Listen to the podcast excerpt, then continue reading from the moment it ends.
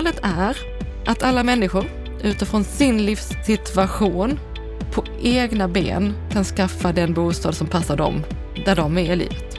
Och det kan vara en ägd bostad eller en hyrbostad. Man ska kunna få välja det själv. Är det en utopi eller tror du att det är en realistisk målsättning att ha? Jag ser att det är en realistisk äh, målsättning.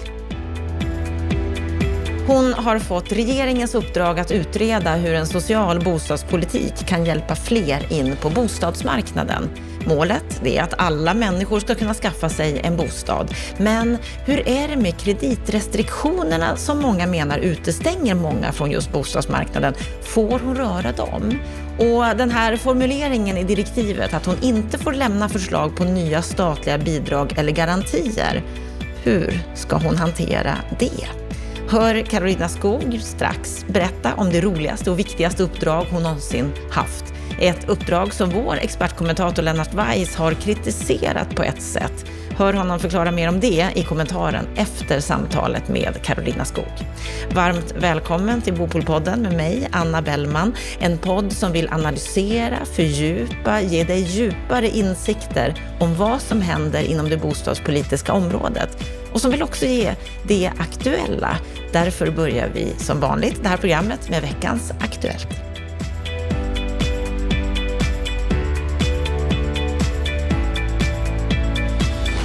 Under den gångna veckan, vad har egentligen hänt på den bostadspolitiska arenan? Lennart Weiss, vad, vad säger du om veckan som har gått?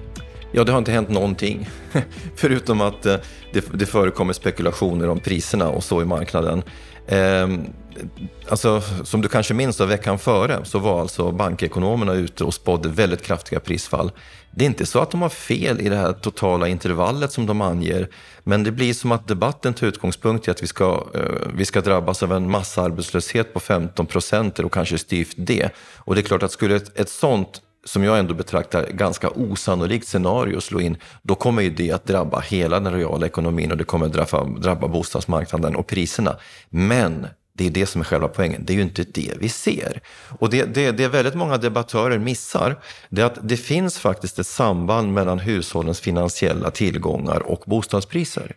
Och, och, och det som har skett de sista månaderna, det är egentligen helt häpnadsväckande. För först så faller börsen väldigt kraftigt och sen går den upp och ligger alltså idag på, på 5-6 procent plus på, på årsindex. Det påverkar hushållens eh, kapacitet att efterfråga och det påverkar därmed också priserna. Så de hushåll som är i bostadsmarknaden, de har en väldigt stark köpkraft, vilket vi ser i bostadsprisernas utveckling. Så från den första tendensen som följde en, en helt förväntad utveckling, det vill säga en, en, en, en, en Eh, lägre bostadspriser så har det skett en stabilisering och i Stockholm till och med en viss uppgång. Så att jag skulle säga så här att verkligheten har redan överbevisat eh, olyckskorparnas värsta scenarier, prognoser. Men det är klart att vi vet ju inte om den här utvecklingen är stabil. Men, precis, kommer den hålla i sig? Det vet vi, ingen, ingen kan spå om det. Jag kan bara säga att, det att jag sålde två tredjedelar av min privata börsportfölj i fredags, för jag tror inte att det här kan hålla. Vi går liksom mot eh, en sommarstiltje då jag tror att väldigt många drar sig ur för att, eh, för att slippa sitta och bevaka börsen varenda dag. Så att jag tror att det kommer falla tillbaka, men jag tror inte på en krasch, utan det finns helt enkelt så fruktansvärt mycket kapital i det finansiella systemet som på ett eller annat sätt måste förränta sig och då är börsen det bästa alternativet. Då kan vi också gå till, till, en artikel i Affärsvärlden som sa att coronakrisen sänker hushållens förmögenhet. Och de menar då att under det första kvartalet så minskade hushållens nettoförmögenhet med 1065 miljarder kronor. Och den här nedgången innebär att hushållen tappar en förmögenhet som motsvarar en femtedel av Sveriges BNP. Ja, så är det. Men, men då ska vi också komma ihåg att hushållen har tillgångar, eller hade tillgångar före den här nedgången på nästan 20 000 miljarder. Vi, det, vi måste se det perspektivet. Hushållen har aggregerade skulder på någonstans drygt 4-5 000 miljarder. Så hushållen har liksom fem gånger större tillgångar på aggregerad nivå än skulder. Eh, en, en lån. Och då ska man sätta så att säga, den här förändringen i sitt perspektiv och affärsvärlden framhåller ju helt korrekt att det beror ju på börsfallet. Men det skedde ju första kvartalet, andra kvartalet har det skett en återhämtning. Så att nästa kvartal kommer du nog se en nyhet att hushållens tillgångar har vuxit med en miljard, motsvarande en femtedel av BNP. Du verkar övertygad. Ja, alltså det är ju det sambandet. Eh, eh väldigt många eh, som läser sådana här rubriker tolkar det som att det har en koppling till bostadsmarknaden, men det har det inte. Utan priserna på bostadsmarknaden har varit stabila. Men, eh, så att den faktorn finns inte. Men det vi ska komma ihåg när det gäller hushållens tillgångar i Sverige, det är att de är väldigt väl differentierade mellan å ena sidan boende, aktiemarknaden, pensionskapital. Eh, och, och, och, där finns det också banksparande och annat. Så det, det, för det första har Sverige ett fantastiskt sparöverskott. Eh, vi, har en, eh, vi sparar egentligen för mycket i förhållande till hur mycket vi investerar. Och det är väl differentierat, vilket betyder att vi har en, en, en väldigt god fallhöjd. Vi har, vi, har, vi har väldigt stora säkerhetsmarginaler om någonting skulle hända. Så om vi ska summera veckans Aktuellt den här veckan, då det inte har hänt så jättemycket, men då vi ändå pratar om bopriser. Vad, vad, vad, är det, vad är det viktigaste att ta med oss i det här? Ja, men alltså man måste på något vis mitt i den här pandemin som ju är en alldeles oerhörd eh, tragedi, eh, inte minst mänskligt, eh, jag menar i termer av dödstal och så, och att det har väldigt stora effekter på samhällsekonomin är fullt klart, speciellt vissa sektorer. Men, men det som ju ändå är, är tydligt, va, det är ju att den här verktygslådan som vi har på både nationell och global nivå, där man sätter in väldigt kraftfulla finansiella resurser, har kapacitet att fungera som stötdämpare. Så att de här som alltid uttrycker oro över det finansiella systemet måste ju se att det, det fungerar ju Alltså skyddsmekanismerna fungerar väl. Sen är det naturligtvis så att på global nivå, inte minst på statlig nationell nivå, så, så bygger vi upp väldigt stora underskott idag. Men där har ju som regeringen alltid upprepar en, ett mycket, mycket bättre utgångsläge än andra länder. Och jag vill ju tro, jag hoppas, att de skandinaviska, eller rättare sagt kanske de nordiska länderna, ser att man har en gemensam möjlighet här att formulera en regional, storregional strategi. Därför att vi är varandras närmaste handelspartners. De här ekonomierna är i bra kondition. Så att om vi liksom stärker det nordiska sambandet så har, har den här regionen fantastiska förutsättningar att ta sig ur den här krisen eh, utifrån en styrkeposition. Tack, Lennart Weiss.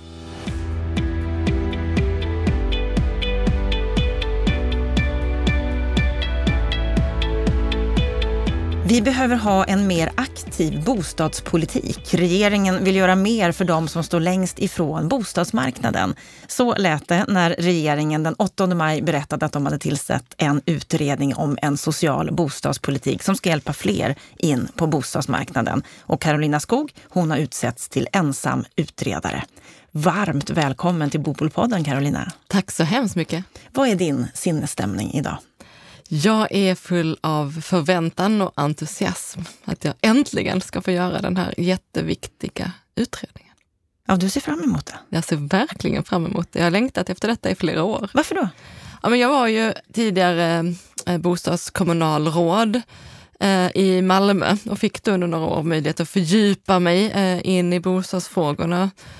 Och då växte en väldigt stark känsla fram hos mig att det behövs tas ett eh, helhetsgrepp eh, om, med just ingången social eh, bostadspolitik. Det är allt för länge sedan det gjordes i Sverige. Du är Miljöpartiets ekonomisk-politiska talesperson. Du var miljöminister under andra halvan av förra mandatperioden. Och som du sa nu så har du varit kommunalråd i Malmö, bland annat då med ansvar för stadsbyggnad och bostadsförsörjning. Det här ligger dig nära. Ja, det gör det verkligen. Och från ditt perspektiv, som du sa, det här är någonting som verkligen behövs. Vad är de största utmaningarna, problemen med den bostadssituation vi har i vårt land idag, som du ser det? Ja, problemen är tyvärr eh, många. Vi har en bostadsmarknad som inte fungerar.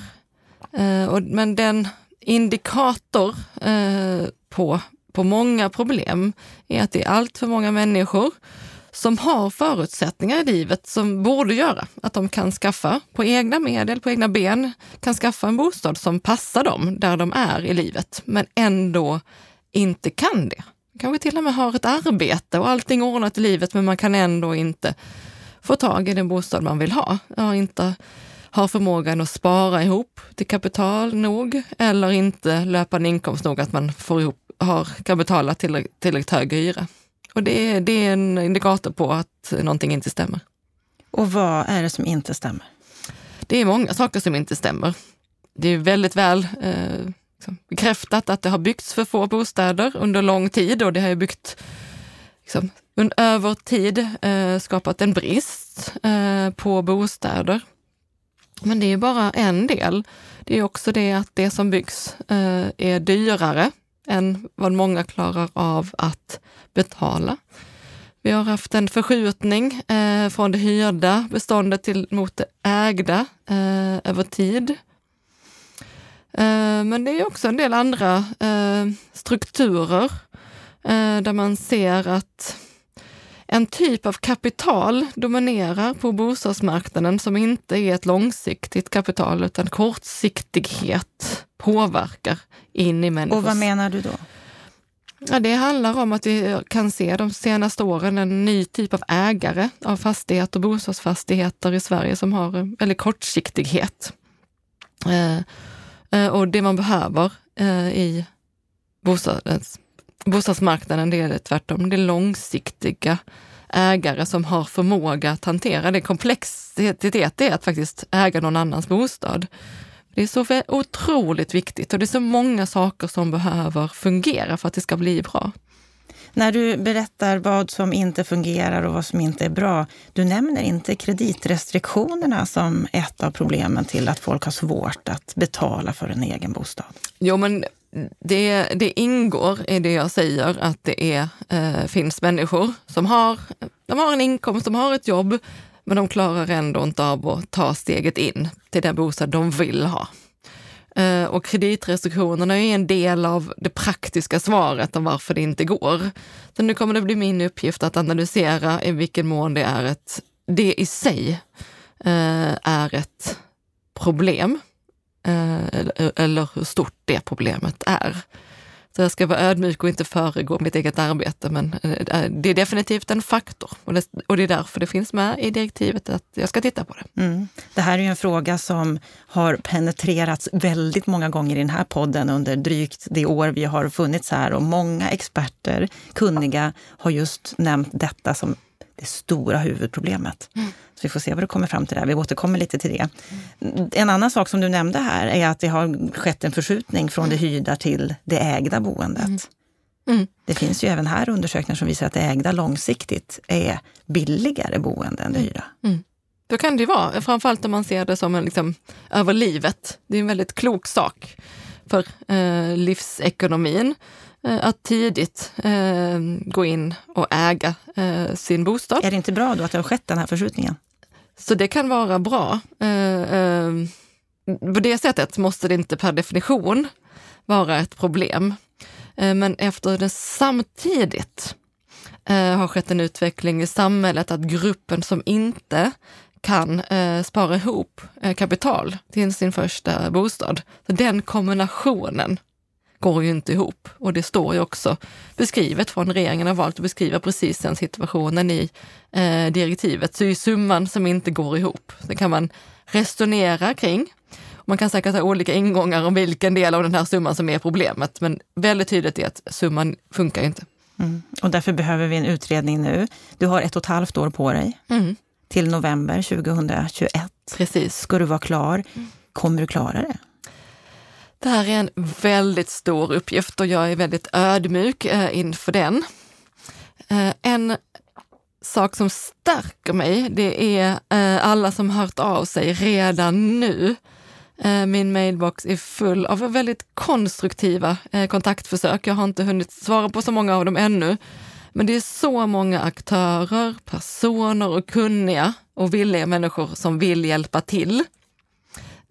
Så om om jag kan lyckas att få med dem och verka gemensamt eh, så tror jag att vi kan komma väldigt långt eh, i det, med, med den här eh, utredningens hjälp. När eh, Per Bolund, vår bostadsminister, gick ut med detta i en presskonferens då, den 8 maj så sa han bland annat det här att tiden är mogen för att börja diskutera hur bostäder som finns och som byggs kommer till de som har de största behoven. Tiden är mogen. Jag tänker, har den inte varit mogen väldigt länge? På ett sätt har den ju det. Eh, jag tror att det Per refererar till är att vi har haft en eh, bostadsdebatt i flera år som har dominerats av ett antal frågor. Det har handlat väldigt mycket om regelförenklingar, Exempelvis, om man tittar på vad som har dominerat i riksdagen har det varit ett jättestort eh, område. I mina ögon en oproportionerligt stor andel av debatten. Och där har jag också gjort mycket utredningar och diskas av en del frågor. Så jag, när man tittar på debatten, den politiska debatten om bostadsfrågor eh, uppfattar jag är mogen för att nu ta tag i den här frågan. Problemet har ju faktiskt funnits där under flera år. Indikationerna på att någonting inte funkar har funnits där länge. Men nu är vi i ett läge där den politiska debatten är mogen för att ta, ta tag i det här. Och därför kommer den först nu? Den skulle kunna komma långt tidigare?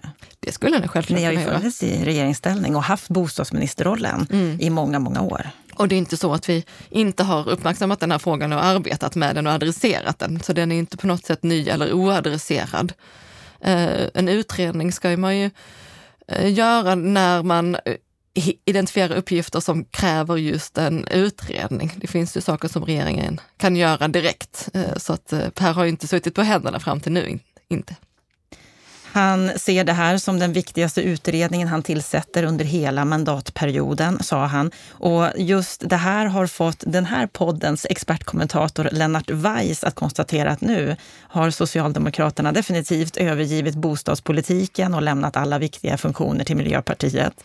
Senaste sex åren så har ju bostadsministern varit miljöpartist. Ordförande i civilutskottet är ju nu Emma Hult. Och eh, nu har du fått den här rollen som ensam utredare för den här viktigaste utredningen under hela mandatperioden. Mm. Ett litet parti som gränsar och balanserar på gränsen till 4 spärren. Håller du med om Lennart Schweis kritik här att Socialdemokraterna, de har lämnat helt skeppet när det gäller bostadspolitiken och lämnat över till lilla Miljöpartiet?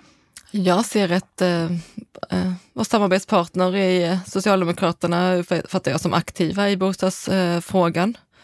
Eh, och eh, regeringen gör ju allt som regeringen gör eh, gemensamt. Så även om, oavsett vilken partifärg ansvarig minister har så är det gemensam regeringen som tillsätter denna Är det en uppdrag. prioriterad fråga i regeringen? Det är I den samlade regeringen? Det är det absolut, inte minst jag vet jag att statsministern är väldigt engagerad i bostadsfrågorna och ser dem som högst, väldigt, väldigt centrala i välfärdsbygget. Men varför har vi då inte en bostadsmarknad, en social bostadsmarknad i balans när vi har behövt det så länge? Ja, det finns ett, många steg eh, som har tagits över eh, tämligen lång tid eh, som har skapat den situationen som vi har idag. Eh, man kan gå tillbaks till 68 och hitta beslut, också ett flertal beslut under 70-talet, 80-talet och 90-talet som har framförallt eh, minskat eh, statens ansvar och statens eh, aktivitet på det här eh, området. Eh, och det har lett till att vi har en stat som har blivit alltför passiv ehm, eh, och lämnat för mycket ansvar eh, till kommunerna utan att eh, i adekvat utsträckning ge dem verktygen. Och nu ska du i den här utredningen bland annat titta mm. på det, på ansvarsfördelningen mm. mellan stat och kommun. Och så ska du titta på de bostadspolitiska verktyg som kommuner har mm. för att hjälpa de hushåll som står längst ifrån bostadsmarknaden. Och du ska gå tillbaka och titta på den här ansvarsfördelningen mellan stat och kommun ända tillbaka till 1940-talet. Mm. Varför då? Ja, men det är ju för att eh, grundläggande är det så att den ansvarsfördelning som gäller nu kommer från den stora Möllerska socialpolitiska eh, utredningen. Det är den grundstruktur som fortfarande gäller, men sen har den modifierats. Man kan säga urholkats eh, genom ett antal eh, beslut eh, sedan dess. Men ska man, ska man greppa detta så behöver man gå tillbaks till eh, 40-talet. Eh, och den typen av kris som Sverige fanns i då, Eh, med en tydlig bostadskris som tvingade fram eh, reformer då. Men vi har eh, till vissa delar samma bekymmer nu. Trångboddhet, segregation, man använde inte det ordet på det då, men, men, men fenomenet fanns. svårigheter för grupper att ta sig in på bostadsmarknaden. Eh, och att eh, ekonomiska klyftor fick en stort genomslag på eh, bostadsmarknaden. Det var problem då och det är problem idag. Så det finns också en sån koppling. Mm. Och när det gäller kopplingen, ansvaret mellan stat och kommun så hände det ju rejäla grejer där också på 90-talet. Mm, verkligen. Då staten i princip försvann. I princip eh, försvann staten. Eh, och jag ska inte föregå, men eh, ehm, jag, jag, ser ju att det är många aktörer eh, som lyfter fram och säger att staten eh, har krympt sin roll eh, till att vara oerhört eh, minimalistisk. Och då borde staten ta ett större ansvar nu? Jag tror, min ingång eh, är eh, att, eh, att staten troligtvis behöver ta ett större ansvar. Och en anledning till det är att staten har eh, makt över flera viktiga eh, verktyg som ju handlar om de här eh, finanspolitiken, eh, bland annat det som påverkar så oerhört mycket.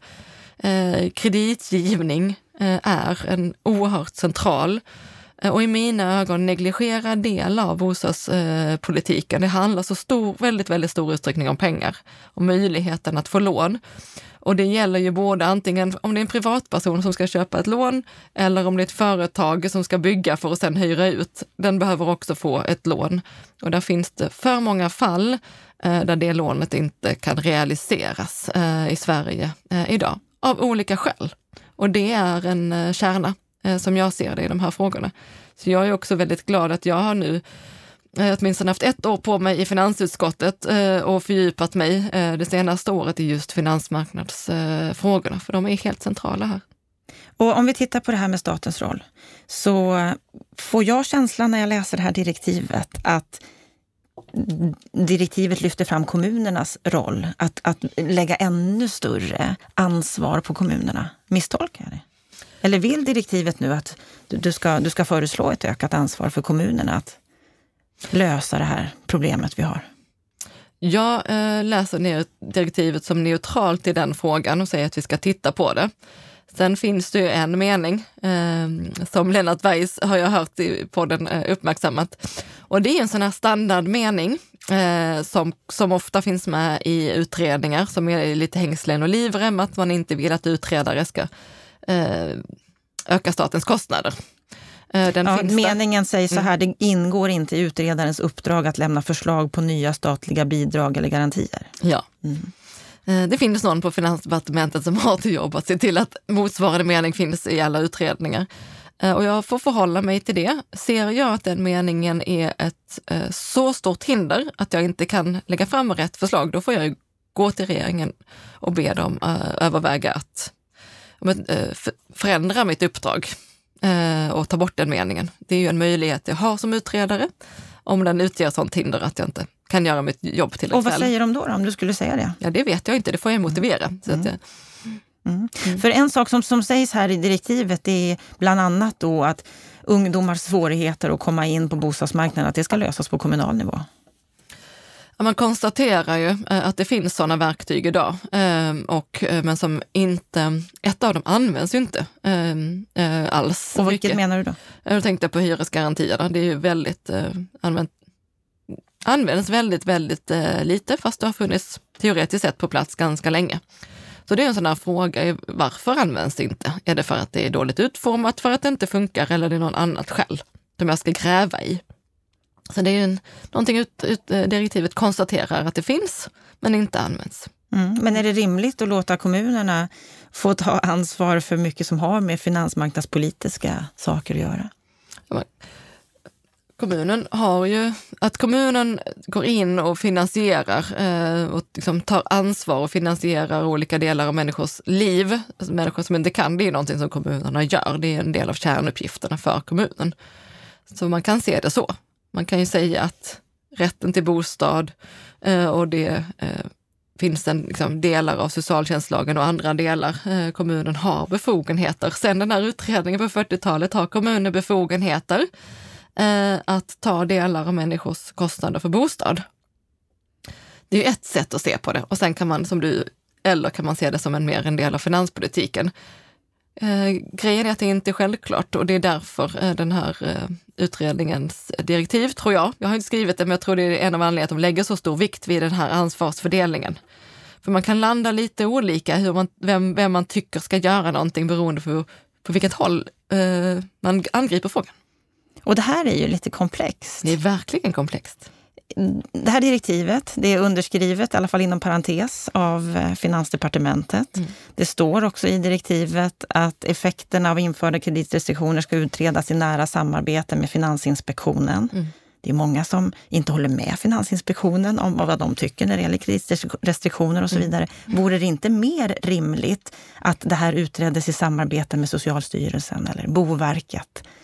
De, de myndigheterna eh, kommer eh, självklart eh, vara eh, del av mitt eh, arbete. Jag kommer tillsätta en expertgrupp ehm, eh, och Åtminstone Boverket eh, kommer självklart eh, ingå, den är inte klar ännu, eh, men man kan ju också tänka sig och nå, eh, att Socialstyrelsen eller någon myndighet eh, med motsvarande ansvar, det finns ju faktiskt flera stycken, eh, Eh, kommer också kommer ingå. Eh, så det perspektivet ska självklart eh, finnas med. Sen besitter Finansinspektionen viss kompetens och har ett specifikt ansvar, så det är fullt rimligt att också de är med i det här. Ehm, för det finns ju en sida av det här med hushållens belåning eh, i Sverige, eh, att det är en risk eh, för hela Sveriges ekonomi om vi som enskilda människor belånar oss för mycket.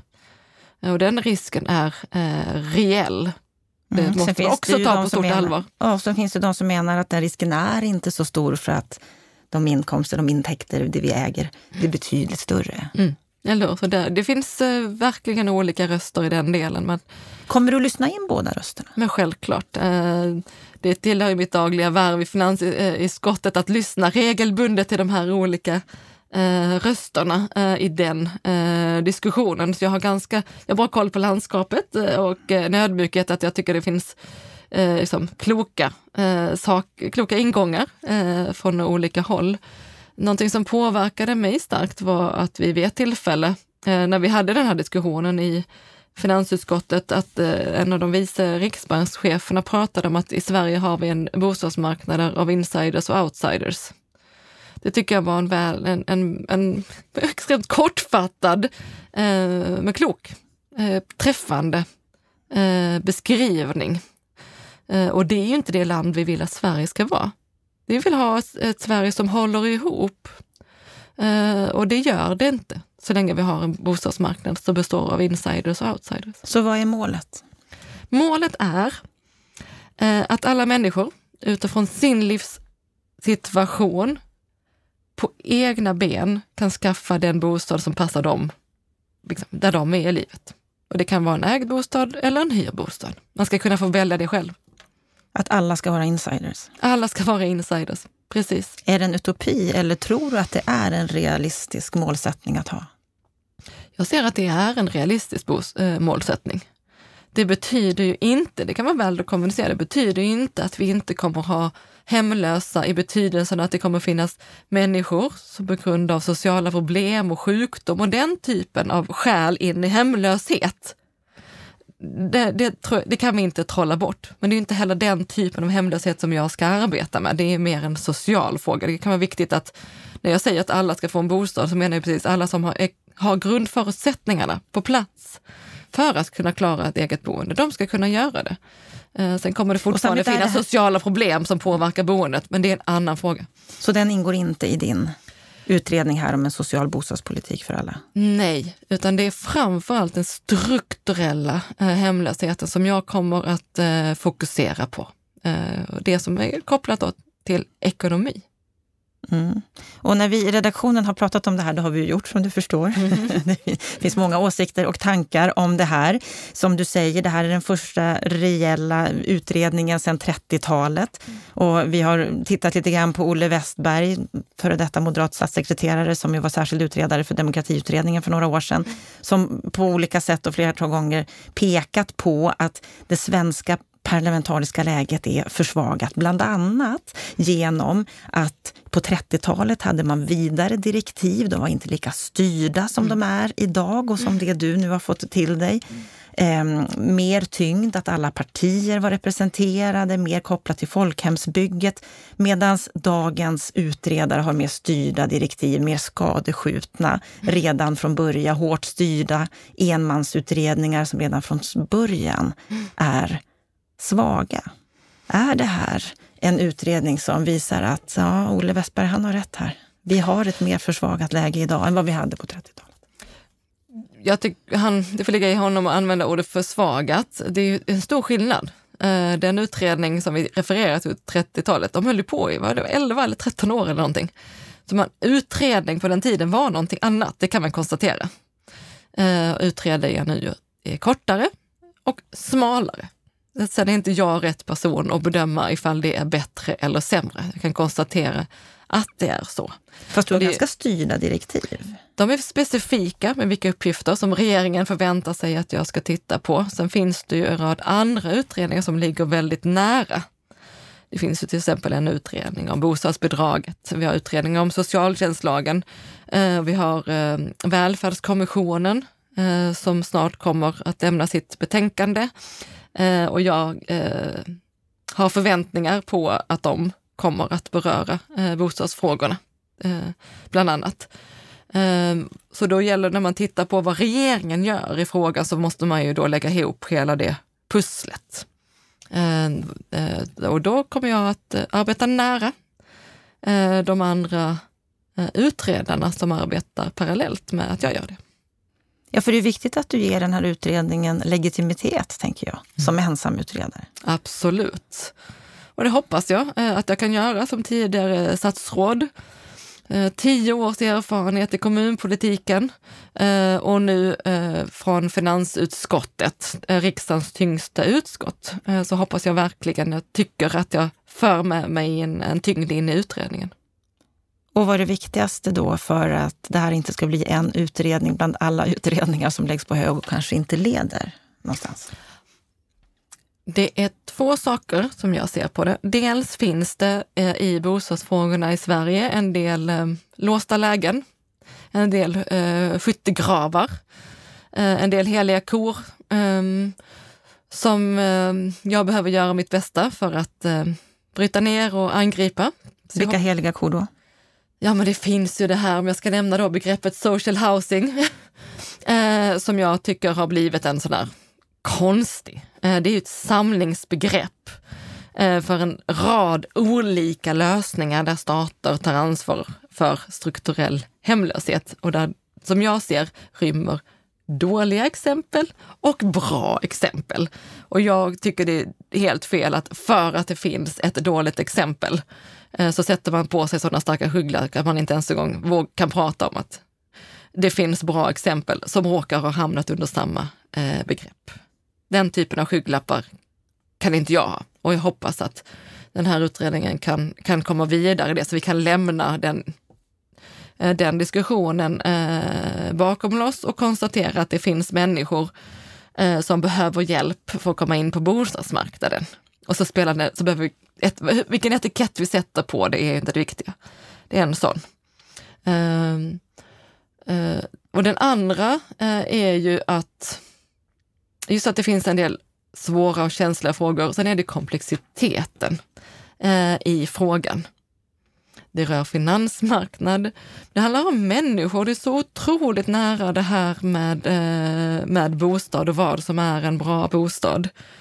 Och det finns, um, men hela den, liksom många, social är ju ett väldigt brett eh, begrepp. Så det är en komplex fråga som jag är väldigt ödmjuk eh, inför.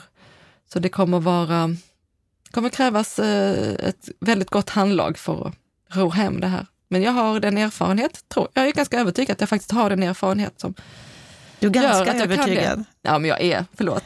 Jag vet inte hur, eh, hur skrytig man ska vara. Jag är faktiskt övertygad om att jag har den erfarenhet eh, som behövs för att kunna ta mig an den här uppgiften. Så när vi sitter här november 2021, kommer mm. det ta så lång tid? Kommer det ta hela tiden på dig? Självklart, mm. absolut. Det, mm. Jag kommer säkert vara stre mycket stressad i mm. oktober. Mm. Så när vi sitter där, då kommer du vara stolt och nöjd i det du presenterar? Det är absolut. Det kommer säkert vara någon fråga som jag kanske får konstatera, eh, inte blev helt eh, klar med eh, av det här batteriet eh, med frågor. Hur radikal kommer du vara?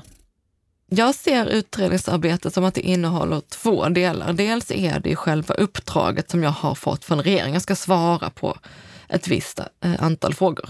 Eh, det ser jag som ganska formellt. Jag ska, jag ska göra det uppdraget, jag ska svara. Men utredningsuppdraget ger mig också en möjlighet att vara opinionsbildare. Och som opinionsbildare har jag aldrig varit försiktig. Det kommer jag inte vara nu heller. Hur mycket av Miljöpartiets bostadspolitik kommer vi att se i det här? Eh, jag är eh, miljöpartist och det betyder att jag är en politiker med eh, en uppsättning värderingar. Och de har jag med mig i allting som jag gör, även inne i det här Eh, uppdraget. Ehm, men jag är också en politiker som är oerhört van vid samarbete med eh, politiker från olika partier, med eh, representanter från näringslivet och forskare. Och är en samverkans, sam, samverkande person. Och jag hoppas, tänker ju också faktiskt att jag ser i Miljöpartiet som ett mittenparti. Så jag hoppas att, eh, jag tror att det också kan göra att jag kanske kan vara någon som kan gå in och låsa in lite av de där låsta positionerna eh, i de politiska lägen. Mm. Om mm. jag får tolka dig lite, mm. läsa mellan raderna eller lyssna mellan raderna. Det finns en liten upplevelse att ni på MP distanserar lite grann från den generella bostadspolitiken, blinkar mer åt den selektiva, europeiska bostadspolitiken. Social housing kallar ju vissa det för. Du har ju nämnt det här alldeles nyss. Kommer vi se öppningar för särlösningar som vi ser mer av i Europa än vad vi gör här? Då vill jag börja med att säga att vi har särlösningar i Sverige idag. Det är väldigt viktigt för mig att, eh, att eh, påminna om det eh, eftersom det finns opinionsbildare som säger att vi inte ska öppna för det, men liksom, de har liksom, de har liksom förlorat kan man säga. Vi har särlösningar i Sverige idag. Så det vi behöver titta på är om de särlösningar som finns, om de fyller sitt syfte. Och om de fyller sitt syfte, eh, om man ska göra dem större. Det är en fråga som man kommer ta ställning till. Eh, och ehm, om de inte fyller sitt syfte såklart också då eh, ha kraft och mod att rikta den eh, kritiken. Så eh, när jag säger precis då att jag befinner mig i, i mitten, så är det så. Nej, jag är inte jag har aldrig, jag, tycker, jag, jag är öppen för alla lösningar som fungerar. Är jag du bryr, det? Jag på bryr, riktigt? På riktigt. Jag bryr mig om att människor ska ha någonstans att bo. Eh, jag tycker att det ägda boendet är Det är lika... överordnat ert parti bostadsprogram. Men i, i, det är det, liksom, min, min värdering är att människor ska ha bra bostad. Sen är jag väldigt pragmatisk i hur vi landar där. Jag tycker att det ägda boendet är jätteviktigt och jag tycker att det hyrda boendet är jätteviktigt. Jag har inte, liksom, jag kommer inte med eh, många år av bundenhet eh, kring någon av de här boendeformerna. Jag tycker att de kompletterar varandra. Rörlighet. Rörlighet är jätteviktigt. Kreditrestriktioner. Kreditrestriktioner eh, finns. Jag är väl informerad om finns. Eh, för att vi ska ha finansiell stabilitet i Sverige. Eh, och, och det, Som samtidigt utestänger många från och egna om bostäder. Det, om det är så eh, att det utestänger människor så är det ett problem. Det är en balansgång. De reglerna ska finnas. Men ska och då kommer du vara... kunna lyfta det? Och då, om jag finner att det inte fungerar så kommer jag våga säga det och kanske adressera, även om, eh, om det är eh, min partikamrat som har infört dem. Det kommer jag göra om jag finner att de är ett problem. För vi har, eh, det har aldrig varit någons eh, instruktion. Jag uppfattar inte att någon har intentionen att eh, stänga, stänga ute människor från eh, bostadsmarknaden. Utan det, gäller, det är en typisk sån fråga där det gäller att hitta en balans. Vi kan inte ha fri eh, långivning. Vi kan inte låta det vara helt upp till bankerna eh, att bestämma. Vi kan se i andra länder att det kan leda till katastrof. Det kan leda till fattigdom och elände och därför kan vi inte ha det så. Men det är helt uppenbart också att för höga trösklar är eh, ett problem. Det är en typisk fråga, det handlar om balans. Och jag kan gå in i, det frågan, i den frågan och vara helt eh, pragmatisk. Vare sig det ena eller andra är av principiell skäl eh, viktigt för mig. Jag tänker vilket ansvar. Jättestort ansvar. Och vad svårt. Mm. Jag är van att ta ansvar. Men jag tänker ändå svårt, för du är också van att vara miljöpartist och ha tydliga åsikter om saker och ting. Mm. Och nu ska du vara helt pragmatisk, helt öppen och lyssna in mm. från många olika håll som du har berättat här. Men um, när man exempelvis är eh, kommunalråd Eh, så innebär den rollen eh, att man har flera olika hattar. Då är man eh, partist och driver opinion, men man företräder också en kommun, förvaltningar och en tung organisation. Och just byggkommunalråd som jag var är ju väldigt mycket en samverkande funktion. Att få eh, ha samarbete med andra kommuner, med region, med stat, jobba oerhört nära eh, byggherrar, fastighetsägare och så vidare för att gemensamt bygga en stad.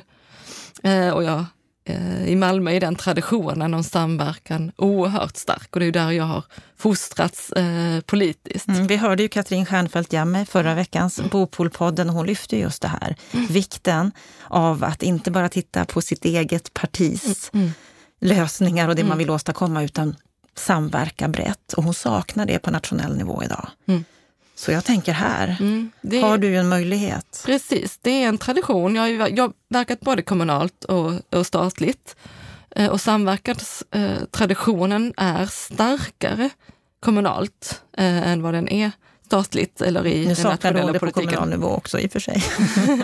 mm. Eh, men eh, i Malmö är samverkanskulturen oerhört stark och det gäller både mellan partier men inte mellan det här mellan politik och det privata näringslivet. Det är väldigt upparbetat och där har jag fostrats och lärt mig oerhört mm. mycket om hur man gör det eh, på ett klokt sätt. Mm.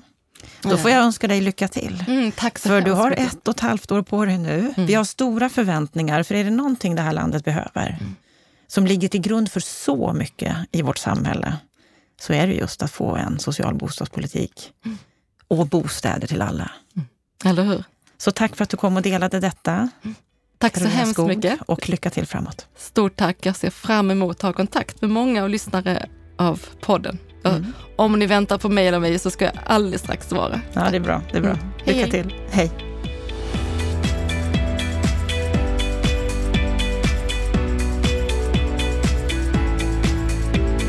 Då har vi hört samtalet med Carolina Skog och du Lennart Weiss, du var ju väldigt kritisk när den här utredningen kom, när hon blev ensam utredare för att Socialdemokraterna helt hade abdikerat. Vad säger du nu när du har hört det här samtalet? Ja, men eh, jag tycker att eh, Carolina levererade på precis den nivån som jag hade trott och hoppats. Det här är en väldigt eh, erfaren, kompetent, bra person. Hade du frågat mig för en månad sedan om min topp tre-lista på utredare så hade jag faktiskt haft henne på listan. Så att det har aldrig legat på någon sorts personlig nivå. Hon har de personliga kvalifikationerna som behövs för att göra det här jobbet och hon påpekar ju själv att hon är pragmatisk. Hon har den erfarenhet som krävs från både kommunal och nationell sektor och hon är tämligen orädd. Så det har liksom inte legat på den nivån. Utan, utan, utan vad det mest handlar om det är ju det som hon uttrycker i, i, i, en, i förbegående. För du kritiserar ju med all rätt de avgränsade, jag skulle säga begränsade eh, utredningsdirektiven. Och då säger hon med en språklig eufemism att det är någon tjänsteman på Finansdepartementet som har till uppdrag att lägga in den här typen av brasklappar. Ja, det är ju lite mer än, än, än en sorts friskrivningsklausul, utan det här är faktiskt ett systemproblem. Och det systemproblemet kommer hon att drabbas av också. Och det var ju det som min kritik handlade om. Det handlade om två saker. För det första, att Socialdemokraterna abdikerat. Det är inte bra för bostadsfrågan i sig, alldeles oavsett kvalifikationerna på de här människorna som vi pratar om. Att Socialdemokraterna så uppenbart klivit tillbaka och då hjälper det föga också att Stefan Löfven har ett personligt engagemang, för det har han, det kan jag själv vitsorda. Men, men, problemet är att när Socialdemokraterna kliver tillbaka Och den här finansdepartementala strukturen kring vilket vi har också Finansdepartementet, vi har Riksgälden, vi har Riksbanken. Det är en form av administrativ byråkratisk maktstruktur som påverkar det politiska systemet väldigt, väldigt hårt. Och, och de här sakerna som, som samverkar, när Socialdemokraterna inte driver bostadsfrågan utifrån ett politiskt projekt, då blir, eh, då blir bostadspolitiken en funktion av de finanspolitiska regelverken och, och riktlinjerna och då ska man spara. Och det är det som kommer igen i direktiven. Man ska alltså inte lägga förslag som innebär ökade statliga kostnader. Effekten av kreditrestriktionerna ska utredas ihop med Finansinspektionen. Men hon värjer sig ifrån det, tycker jag, på ett skickligt sätt och, och jag tycker också att hon säger väldigt många bra saker i intervjun som ju ändå tyder på att hon med integritet och, och stor självständighet ska ta sig an uppdraget och det ska man naturligtvis eh, lyfta fram, prisa och då ska man backa henne i det avseendet såklart. Det hon menar var ju att hon kan gå till regeringen och säga att jo, om jag finner att staten behöver ta ett större ansvar eh, åt den här friskrivningsklausulen som ju handlar om att det inte ingår i utredarens uppdrag att lämna förslag på nya statliga bidrag eller garantier, som det heter, att hon kan gå till regeringen och säga att det här fungerar inte, jag, be jag, jag behöver göra om. Alltså, går, går det att göra på det sättet? Jo, det går. Hon kan absolut göra det och hon behöver nog göra det därför att hon har ju en nyckelmening någonstans två tredjedelar in i intervjun som jag faktiskt vill lyfta fram. Hon, för när du frågar henne vad är hennes egen målbild för bostadspolitiken så säger hon att jag vill ha en bostadsmarknad där alla människor på egna ben ska kunna skaffa en bostad. Det kan vara en hyresrätt eller en bostadsrätt, men man ska på egna ben kunna skaffa en bostad. Ja, det är alldeles lysande formulerat. Om hon låter sig vägledas av den devisen, då kommer hon eh, navigera rätt här. Och, och jag menar, hon säger ju ett antal bra saker. Hon noterar att staten har backat tillbaka och det är ju i grunden en finansiell frågeställning. Hon noterar att kreditgivningen är helt nödvändig, både för företag och individer. Hon, hon, konstaterar att det är många människor som inte har förutsättningar att skaffa bostad därför att de antingen inte har sparande eller löner. Det träffar exakt debatten om kreditrestriktioner och hon säger att eh, vi har inte vägt av på ett korrekt sätt mellan å ena sidan undanträngningseffekter på bostadsmarknaden, då pratar vi om den ägda, och å andra sidan risker, det vill säga kopplade till den finansiella stabiliteten. Så att hon har ju, tycker jag, en korrekt problemanalys, hon har en bra karta. Men jag undrar verkligen om en enmansutredare kommer att kunna eh, klara av matchen i mötet med den finansdepartementala strukturen, eller om man skulle uttrycka det lite annorlunda, politikens Machiavelli, som ju är finansdepartementet. Hon kommer få väldigt svårt, men jag, jag gillar hennes ambition och gör hon det hon säger, att hon försöker mobilisera experter, opinion runt omkring sig så att hon lägger sitt kommande betänkande med ett stöd i ryggen. För verkligheten kommer ju ge henne stöd, men om hon också skaffar allianser som ger henne stöd, ja, då kanske det inte behöver bli så tokigt ändå, men hon måste klara av att ge sig på de begränsningar som Finansdepartementet har satt upp. Och med tanke på att Finansdepartementet är avsändare i det här, hur lätt är det? Ja, det är jättesvårt. Alltså, det, det, det är, jag har sagt det flera gånger förut, det är Finansdepartementet som bestämmer i Sverige. Och det finns också en historik kring framtagandet av de här direktiven som jag liksom inte ska gå in på mer i detalj, men, men som jag har hygglig bild av. Och som ju visar att det var Finansdepartementet som stukade den här utredningen redan eh, från början och den räddades i hygglig utsträckning av statsrådsberedningen som ingrep och, och, och jämnade ut mellan olika aspekter här. Alltså det, det, grundläggande problemet i bostadsdebatten är att det finns ingen övergripande politisk vilja.